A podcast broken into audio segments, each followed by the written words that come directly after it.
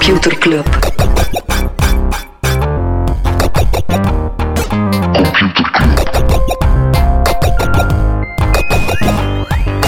Computer Club. Hey Smolly, Hey Freddy, welkom, welkom terug. welkom. Welkom bij Computer Club, een wekelijkse podcast over technologie. Iedere aflevering selecteren eh, Freddy en ik een interessant artikel en presenteren we een feitje. En tegenwoordig kijken we ook altijd even naar de wereldkaart. Ja, Genieten we, genieten we. Van onze verovering. We zijn de Rich aan het spelen. Dus mensen die merch van Computer Club kopen en op vakantie gaan, die eh, mogen altijd een foto daarvan maken en dat delen op computerclub.world. Er staat een wereldkaart waarop dat je kan zien wie dat er waar al op vakantie is geweest. En er zijn weer heel wat luisteraars die eh, naar buiten zijn getrokken de voorbije week, Freddy. Eh, ja, ik heb toch, toch enorm goed shout-out naar fan van het eerste uur. Chef Den Beer van Wichelen. Dat is zot, hè? In Kopenhagen, nu is een mooie stad, kan je zeggen, nou, oké, wat, wat maakt dan die foto het, eh, het vermaalde waard? Hij was daar op verkenning aan de finish van de Ironman in Kopenhagen. En eh, ja, het feit dat Jeff toch wat echt een bijer is, hij is 79ste van de 2049 eh, deelnemers geworden. Wat een zot. Dus we zijn super blij dat de, Ja. de computerclub kleren daar toch ook even aan de finish eh Jeff heeft gezien dus zijn. de Ironman gefinished in, ik heb het er even bijgenomen, 9 uur, 29 minuten en 47 seconden. Voor het, eh even nog, om dat te kaderen, dus 42 kilometer lopen, 4 kilometer zwemmen en 180 kilometer fietsen, denk ik, of 160, ik denk Ja. 180 kilometer fietsen. Platte band gereden en toch nog eh 79ste. Insane. Wat een gek, wat een gek. En dus een foto van Jeff met de computerclub merch onder de banner, onder de finishlijn van de Het Ironman zou wel zot zijn als hij die trui had aangehad tijdens Zwemmen, de dat zou wel moeilijk zijn Dat zou geweest, wel, eh, dat zou wel lastig zijn. Dat zou een oneerlijke... Sportmerch van handicap zijn. Computerclub. Ik ben, eh, ik ben fan voor de sportmerch van Computerclub. Speedbandje of zo. Maar wij kunnen dat ook gewoon creëren. hè. Kunnen dat- Over merch gesproken, er komt binnenkort iets. Oké, ik weet zelf nog van niets, maar eh, dat komt. Is er wel iets eh, het wel, Ah, ja. natuurlijk. Je zou het kunnen meepakken Mysterie. naar Amerika, want Matthias Barnier die is in Amerika op roadtrip en heeft al in, ik denk een stuk of vier verschillende staten foto's gepost van hijzelf met de computerclub trui of met andere merch. Dus het eh, een patje, shout-out naar patje, verovert ook de wereld. ja. Er zijn nog patches. Wel Yes. enkel de gele, de beige zijn allemaal de deur uit. Ze zijn zelf niet meer te verkrijgen bij de drukker. Er zijn ook foto's dichter bij huis gepost. Ik denk onder andere aan eh, Gent. Volgens mij was dat Karen die daar een foto had gepost. Met Ride or Die.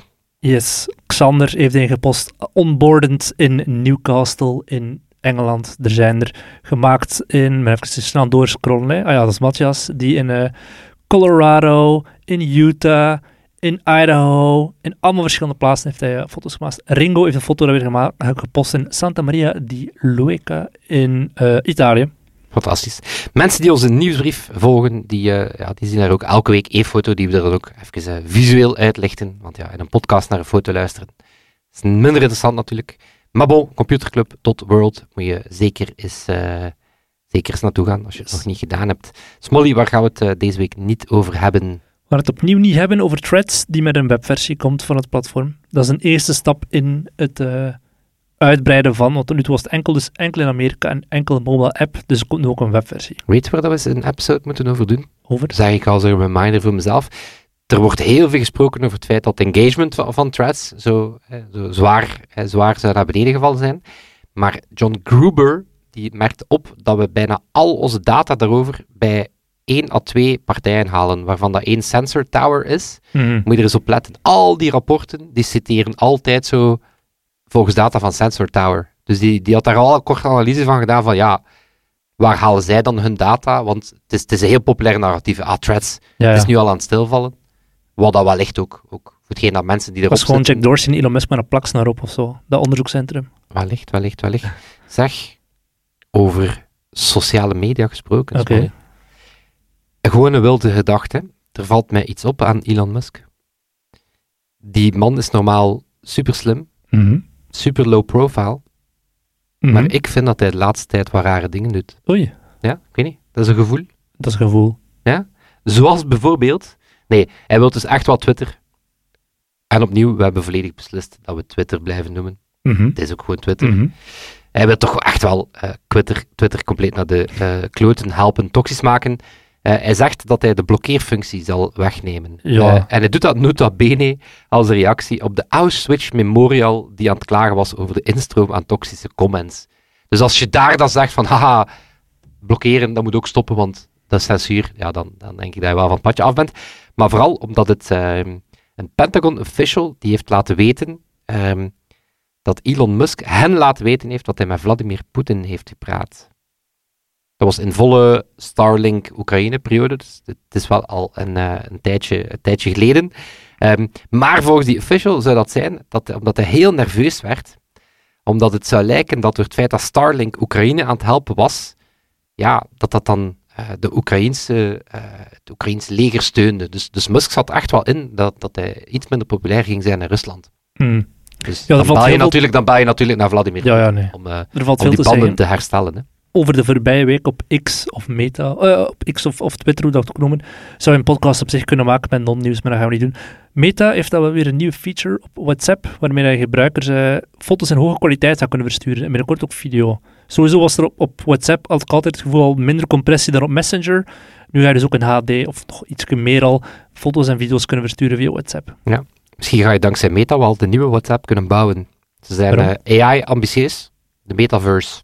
Dat, eh, dat zit op de achterbank. AI, eh, daar gaat het over, ook bij Meta. Ze hadden al Llama, hun groot taalmodel, ehm, dat ook open source is. Kan je ook commercieel gebruiken, dus dat is op Mhm. zich al vernieuwend.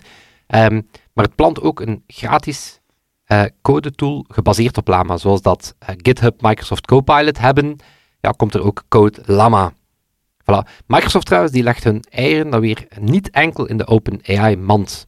Ze waren natuurlijk copain-copain met eh, Sam Altman en OpenAI, een zeer goede investering gebleken. Maar ze gaan nu ook met Databricks samenwerken, dat is een concurrent van OpenAI. En die laten dat weer toe om open source modellen verder te gaan trainen en te gaan customizen. Dus ze kunnen iets minder out of the box, maar je kan ze als klant natuurlijk wel nog meer naar je hand zetten. Dus het is wel interessant dat Microsoft ook al beseft van oké, als we enkel OpenAI gaan aanbieden in onze cloud, dan is dat Mhm. misschien wel een eh, risico. Ja, wie weet bieden ze binnenkort ook wel Lama aan van, eh, van Facebook. Alright. Ik blijf even nog bij Microsoft. Activision Blizzard die gaat de streamingrechten van de sommige deels gedeeltelijk verkopen aan Ubisoft En- Entertainment. In de hoop dat ze dan via de, ja, van de Britse toezichthouder, de, de beurswaakhond, ehm, ja, groen licht gaan krijgen om overgenomen te worden door Microsoft. Ik heb twee richt, twee segways dat ik uit kan smollen. De ene is streaming en de andere is de beurswaakhond. Regulation. Keuze, keuze, keuze. Ooit waren de regulatoren tegen de ARM-deal, de acquisitie van eh, Nvidia, van, van ARM. Hebben we het Mhm. natuurlijk al vaak over gehad, ook in de nieuwsbrief. En mensen die die nieuwsbrief lezen, weten dat het eindelijk zover is, of wisten al dat het eraan zat te komen, en nu is het officieel. ARM gaat naar de beurs. Ja. Ze hebben een prospectus, eh, wat dan eigenlijk een soort ja, analyse, cijfers enzovoort. Opvallend is dat hun omzet en hun marge sterk daalt, maar eh, blijft wel een cruciaal bedrijf. Dat zou wel eens een opsteker kunnen zijn voor Softbank en Masayoshi Son, eh, want ze mikken met die beursgang op 50 tot 80 miljard.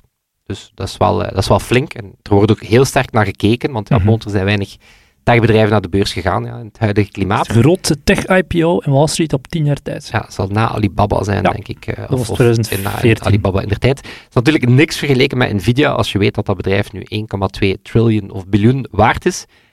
En als je dat eens zou gaan ombreken, Masa Yoshi Son heeft in eh, 2019 een aandeel verkocht in Nvidia. Voor toen 3,6 miljard. Wel, had hij dat vandaag nog altijd gehad, was dat op zichzelf al 60 miljard waard. Hopla. Dus het feit dat ARM, en opnieuw, het is nog voorwaardelijk, die 50 tot 80. eh, het lijkt er wel op, maar dat stond ook in die nieuwsbrief, dat eh, quasi elk groot techbedrijf, want ongeveer de helft van de omzet van ARM komt uit vijf grote, de vijf grootste klanten. Dus je weet ongeveer Ja. wel wie dat, dat zijn. Ja, die gaan normaal wel allemaal mee investeren ja, om ARM eh, neutraal te houden. Nog een beursgang, veel kleiner. Even Instacart. over de ARM-prospectus. Ja, het woord AI komt er 55 keer in voor. Ja. Maar het is, het is interessant, want ARM zit op dat vlak niet in de sterkste positie, want zij maken vooral eh, designs voor CPU's en het zijn natuurlijk vooral GPU's. Mhm. Dus je kan ook gewoon zeggen dat Nvidia bijvoorbeeld veel sterker aan het kapitaliseren is op die AI-trend dan, eh, dan ARM. Bo, in der tijd had dat wel- wellicht de megadeal geweest, ja, daarmee dat hij niet mocht doorgaan. Gaat ook naar de beurs. Instacart, ja, kennen we hier iets minder. Eh, die doet eigenlijk ja, een soort eh, collect-and-go, maar dan voor verschillende supermarkten. Mhm. Ehm, die zouden ook volgende maand eh, eindelijk hun beursgang doen. En opnieuw wordt ook met grote ogen naar gekeken. Maar bon, je moet het durven. Ehm, Ze waren in 21 nog 38 miljard waard. Nu, dat is natuurlijk theoretisch op zo'n moment, maar nu mikken ze op 10 miljard. Bon, veel startups zitten nu ja, met die moeilijke keuze van, ja, bon, het, eh, het, geld is schaarser, dus wat ga je dan doen? Als je toch geld nodig hebt, ja, dan, dan moet je het misschien onder ogen durven zien. Um, wel interessant is dat de omzet van Instacart 30% gegroeid is op een jaar tijd. Maar interessant genoeg uh, zijn er amper bestellingen bijgekomen. Het komt wel omdat ze veel meer advertenties verkopen, waar dat ze ook meer marge op maken. Maar wel, het feit dat dat volume ook niet aan het groeien is, is misschien ook niet het beste teken, zo net voor je beursgang. Er hebben er heel veel mensen waarschijnlijk in hun auto net geen accident veroorzaakt, omdat ze dachten dat er ergens een melding binnenkwam. Maar dat is gewoon Freddy die zijn eh, laptop niet heeft op stil gezet. Ja, wel. Maar dus het is ook niet omdat je op de beurs staat dat alles roze weer en maneschijn is. Kijk naar Adyen, Nederlandse topspeler in de techsector, die een enorme klap heeft gekregen door de cijfers die zo goed waren in dit kwartaal. Volgens mij ondertussen al uh, eh, 50% lager of zo. Ik heb niets meer waar ik het niet meer over wil hebben, Freddy. Goh, ik heb het, uh, bon, het, is, uh, het, is, zat er ook een tijdje aan te komen. De regulator, Regulators Jingle, ja, die hebben we al gehad. Ja, nee, de Digital Services Act is, is zover. Is, lang over gesproken. Um, is toch Europa die, ja, die, die er wel voor zorgt dat die grote platformen. Het is niet de Digital Markets Act, dat gaat mhm. dan meer over grote platformen die eigen diensten bevoordelen, zoals, uh, zoals Amazon. Uh, Amazon. bijvoorbeeld, die hun eigen logistiek voortrekt. Ja, dit gaat meer over uh, keuze bijvoorbeeld, hè, keuze als consument. Um, Google die zou verplicht worden om meer browserkeuze aan te bieden. Dus als je een nieuwe Android-telefoon opent, ga je daar, zoals in de tijd met Internet mhm. Explorer, de keuze moeten hebben tussen Chrome en andere. En Apple die zou in Europa zwaar met sideloading van apps moeten gaan, uh, gaan komen. Um, bon, het is wel... Uh, Alles over de DSA en de DMA in de aflevering met Pieter Haak. Ik weet het nummer niet meer van buiten. Ja. Ik heb ze nog wat kleintjes, maar ik zal ze gewoon tegenaan gooien. Eh, Amazon, die hebben zich ook al wat belachelijk gemaakt. Ja, die proberen social commerce een ding van te maken. Hè, zoals uh, zeker in, uh, in Azië heel populair is. Ja, gewoon shoppen vanuit streams, shoppen vanuit creators die allerlei... Dat is echt een machine trouwens. Mm -hmm. um, ja, Amazon heeft ook een soort TikTok-feed. Dat heet dan de Inspire feed, maar werkt niet zo goed. Ze willen daar nu creators voor betalen, maar dat komt neer op 25 dollar per video. Dus dat wordt nogal, nogal weggelachen. Ja, ook zo'n beetje een prijsrace naar de bottom. Netflix, die bijt al lang zijn tandenstuk op India. Uh, India, het is het grootste land ter wereld, ja, voorbij China. Elk groot techbedrijf denkt dan, oké, als ik maar een stukje van die markt kan pakken, top. Mhm. Maar makkelijk is dat natuurlijk niet. Uh, heel weinig prijselasticiteit, zoals dat dan heet. In 2020 kostte Netflix bijvoorbeeld 6,6 dollar per maand. Nu is dat nog amper 2,6 dollar. En nu, dat is het nieuws, ze gaan partneren met uh, Geo, Reliance, dat is zo'n grote telco, uh, gigant, groot, groot techbedrijf. Beetje prijsbreker qua telco, een beetje de Mobile Vikings misschien mm van, uh, van, vandaar. en daar ga je voor 5 dollar een all-in-one abonnement kunnen pakken, maar dus ook Netflix bij. Maar dan kan je wellicht raden dat Netflix daar ook niet zeer veel aan over zal Nee, dat was toen dat Disney Plus daar de rechten van de cricket verloor. Dat ging over centen letterlijk per maand dat mensen daar betaalden. Dus dat was heel veel volk, substantieel als je ziet van 10 miljoen. Het zijn enorm veel subscribers dat ze kwijt zijn, maar inderdaad. En financiële onderaan de streep viel eigenlijk wel mee. Oeh, oeh, zeg. Al die financial talk.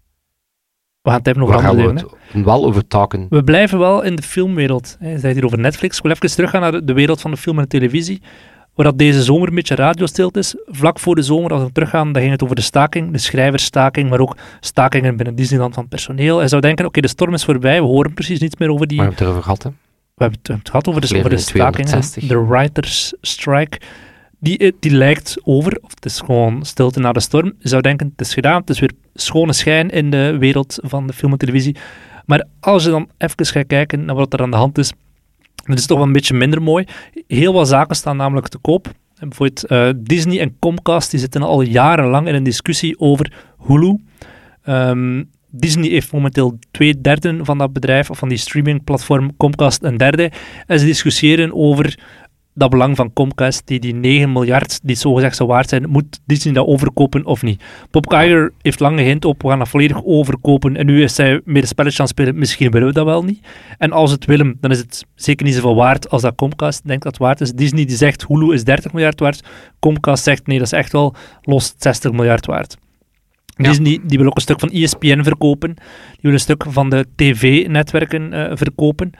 Bij Paramount willen ze weer af van BET ken ik zelf niet, maar dat is Black Entertainment Television. Dat is, bestaat al 40 jaar, is echt wel bedoeld voor Afro-Amerikanen.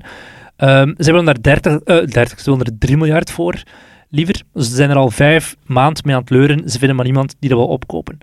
Warner Bros. Discovery, dat is op zich al een mega zotte constructie van namen Dat is echt zo de cluster the worden deals ooit. Ja, het doet mij zo, het doet mij zo denken aan in BoJack Horseman is er zo'n mop. En dan hebben ze het over een mediabedrijf dat heet AOL, Time Warner, PepsiCo, Viacom, Halliburton, Skynet, Toyota, Trader Joe's. zo gewoon allemaal conglomeraten die worden samengesmeten. Warner Bros. Discovery is ook al zo'n conglomeraat. En nu, 18 maanden na die merge, zijn ze aan het kijken wie kunnen we nu opnieuw mergen. Want het is echt wel nodig dat we, als we willen blijven voorbestaan, dat we met een andere groep samensmelten. Nieuwsbrief 116. Heb dat snel opgezocht. ja, Ja. absoluut. Die gaat zowel over eh, Warner Bros. Discovery als over eh, Disney en Hulu. En nog één, Lionsgate Entertainment, is dan hier bij ons minder bekend. Die willen een Stars-divisie, Starsman Z, zoals Streams ook een Z heeft, eh, divisie afsplitsen. Dat zijn zo in Amerika, ja, als het Zit regent... Stars ook niet bij Disney? dat is anders. Dat is Starsman S. Ah. Ja. Ja, oké, oké. oké. Het is helder. Ja, nee, dat is Star volgens mij gewoon. Star, Max. zonder... eh, ja, Plus. plus Max, Hulu, al die, al die gekke namen. Maar het, is vooral, het gaat vooral over de, de oldschool televisienetwerken die ze af willen splitsen. Ehm, en maar geen koper voor vinden. Waarom is het ook misschien geen goed moment om nu te gaan verkopen? Het is een hoge rente, dus mensen die het zouden kopen, die gaan sowieso niet diep in de buidel tasten, waardoor dat vaak ook lagere prijzen zijn je ervoor krijgt. Dat zie je dus ook met, met, met andere verkopen. Het is niet meer... Ja, het vet Geld lenen kost gewoon geld, ja. Ja. Dat is, eh, Hm, Altijd al. En mevrouw Leemans is onze goede vriendin die daarbij helpt. Maar toch, dalende advertentieinkomsten. Eh, mensen hebben ook minder en minder kabeltelevisie, waardoor dat die netwerken, ook al zijn ze wel nog cash cows, minder en minder interessant beginnen worden. Er zijn die stakingen, waardoor dat mensen, potentiële investeerders, ook al naar de media-industrie kijken van, "Hmm, dat is misschien niet zo'n stabiele industrie. En er is veel meer, meer en meer regulering dan, dan tien jaar geleden. Kijk naar de FTC, we hebben het er net al gehad over Activision, Blizzard en Microsoft. Als je iets gaat overkopen op dit moment, en dat is vaak de ene gigant die een andere gigant opslokt, weet je ook van, nou, ik moet daarnaast ook een paar miljoen aan de kant zetten, al is het maar om de FTC of andere regulatoren te overtuigen, deze deal mag doorgaan. Wat dat al veel minder interessant maakt natuurlijk. Jij als Bob Iger-kenner, Hm? Wat wordt er gezegd dat de meest irritante vraag is dat je aan Bob Iger kan stellen? De vraag dat hij het meest beu is. Op dit moment is de vraag, oh, denk je erop op hint van, ah, ga je verkopen aan Apple of niet? Ja. Ja, dat is inderdaad. eh, Bob Iger is nu van plan om Disney wat meer te structureren in drie verschillende takken. En een van die takken daarvan zal. ja, ik weet het niet van buiten, maar het komt op neer. Er is een, een tak met de pretparken, een tak met andere stuff en dan een tak met content. En dat zou er dan zo gezegd op wijzen dat hij die content-tak misschien zou verkopen aan Apple.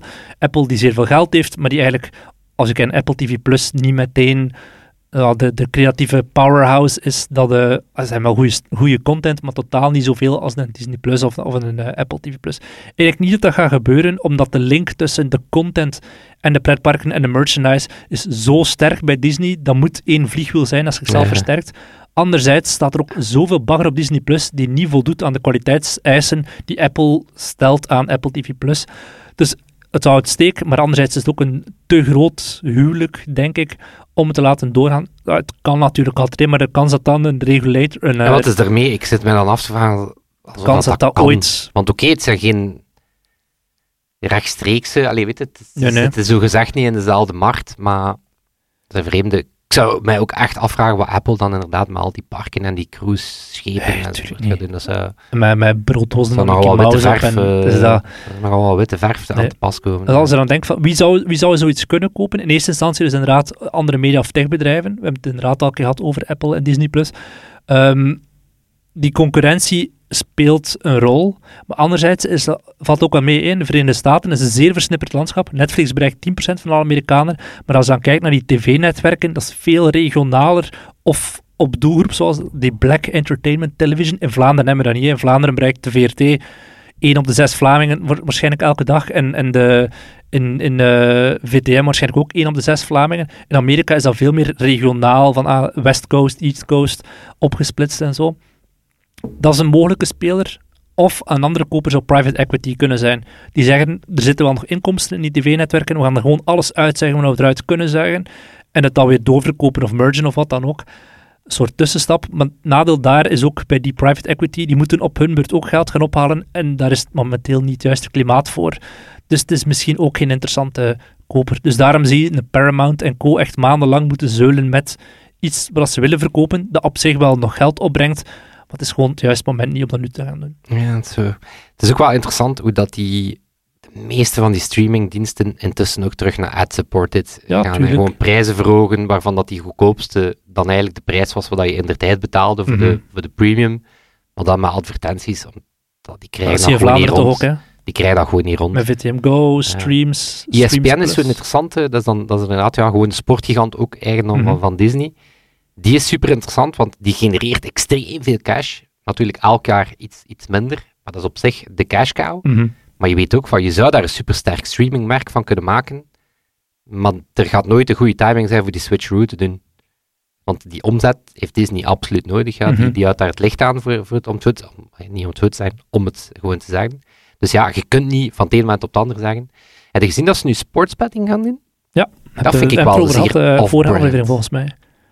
Het is zeer on-brand en het is Off-brand. Ah ja, off-brand, On-brand ja. voor ESPN, maar, Maar, eh, off-brand voor, voor Disney. Disney. absoluut. Ja. Ja, ja. En dat, vind ik, dat, dat lijkt me dan alleen al iets waarvoor de Apple volgens mij zegt, nee, nee, Nee, Apple, Apple doen. en gokken. eh, een match made doen. in hell. gaan we niet doen. Gaan we niet Wat doen, we wel we gaan doen, is eh, dit geven. Helemaal gratis. Computerklas. Bam. Al voor de 265ste week. 266ste week. Op rij. Deze jingle.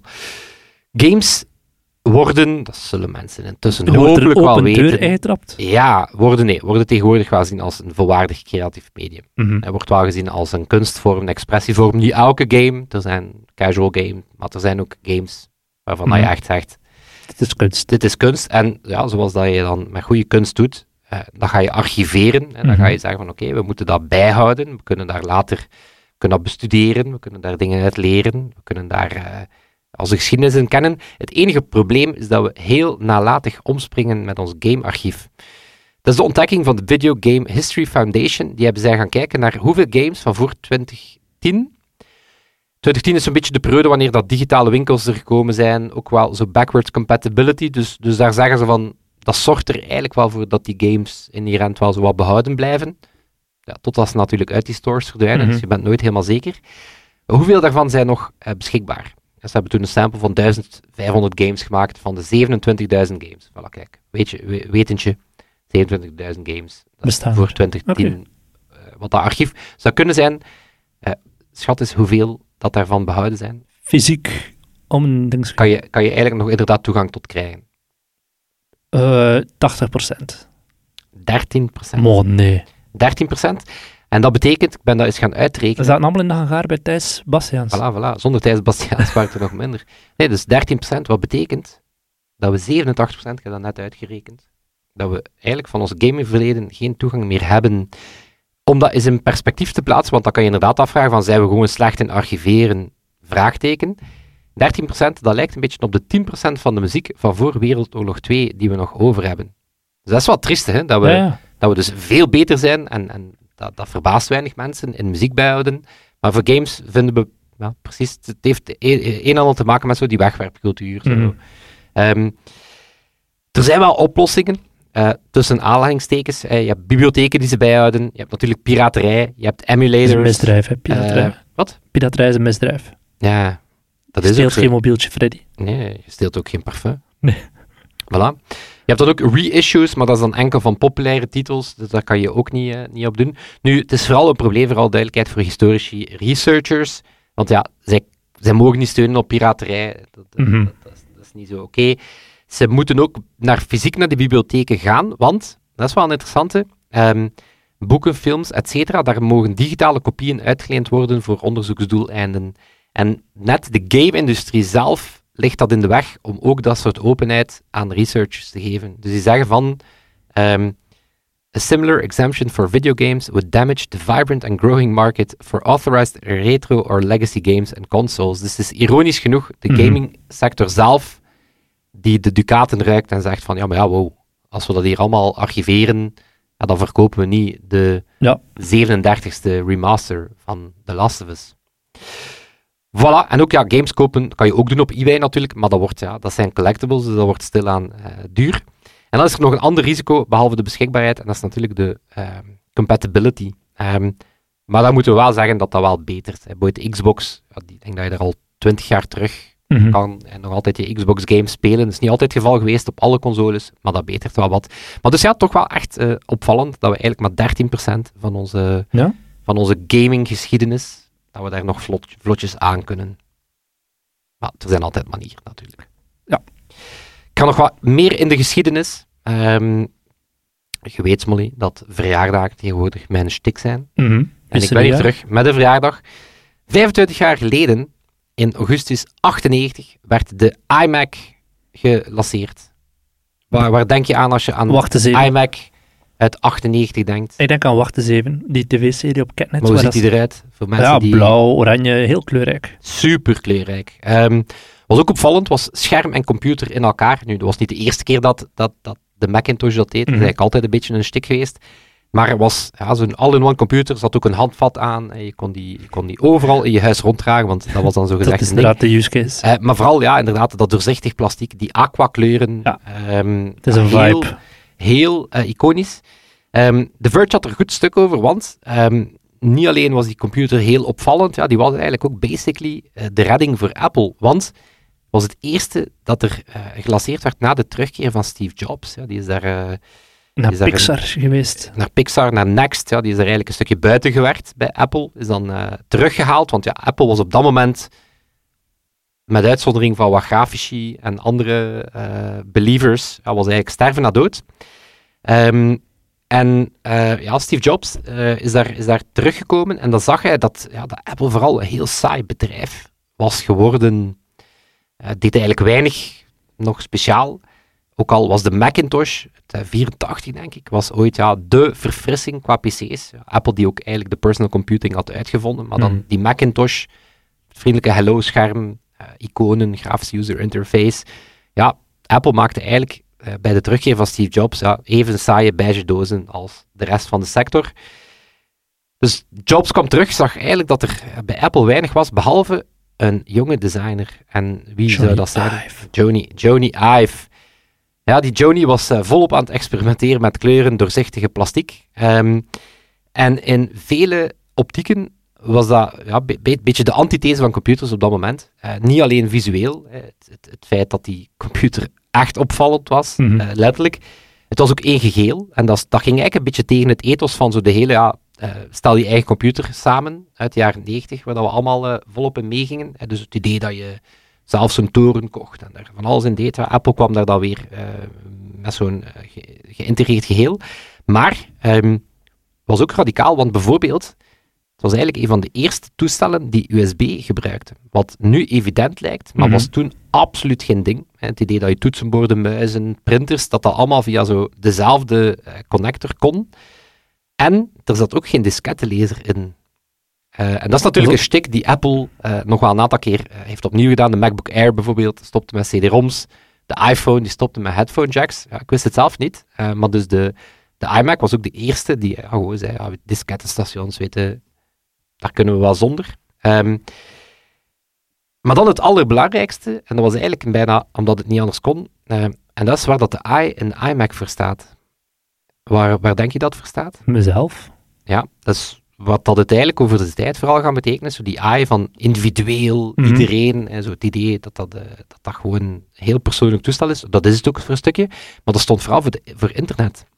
En dat was eigenlijk het, het grote nadeel van, eh, van Apple toen, was dat er eigenlijk nog heel weinig native apps nog voor, voor Mac gemaakt werden. Die waren echt wel naar het achterplan geraakt. Microsoft deed het, omdat ze dan hoopten Mhm.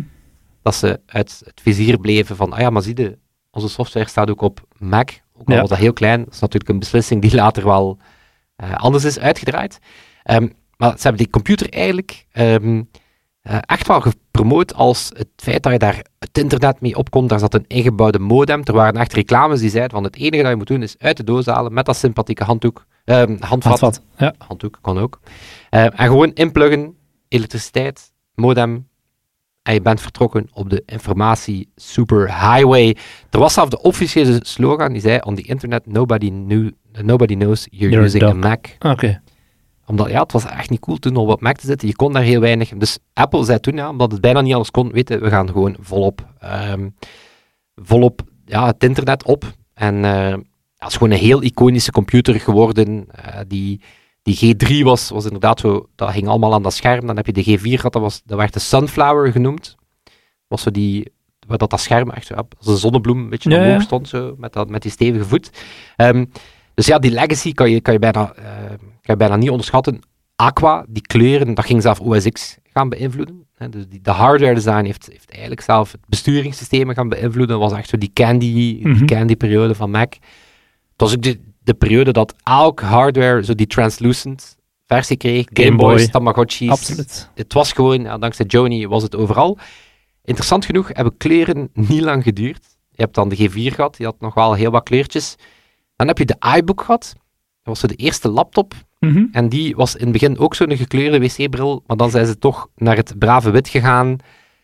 Eh, de G5, die leek eigenlijk meer op een desktop iPod. Die was ook al wit. Ehm, en dan zijn ze natuurlijk, ja, zeker met die pro-devices, meer Ja. naar het grijs enzovoort gaan. Dat wit is er toen heel sterk bijgekomen.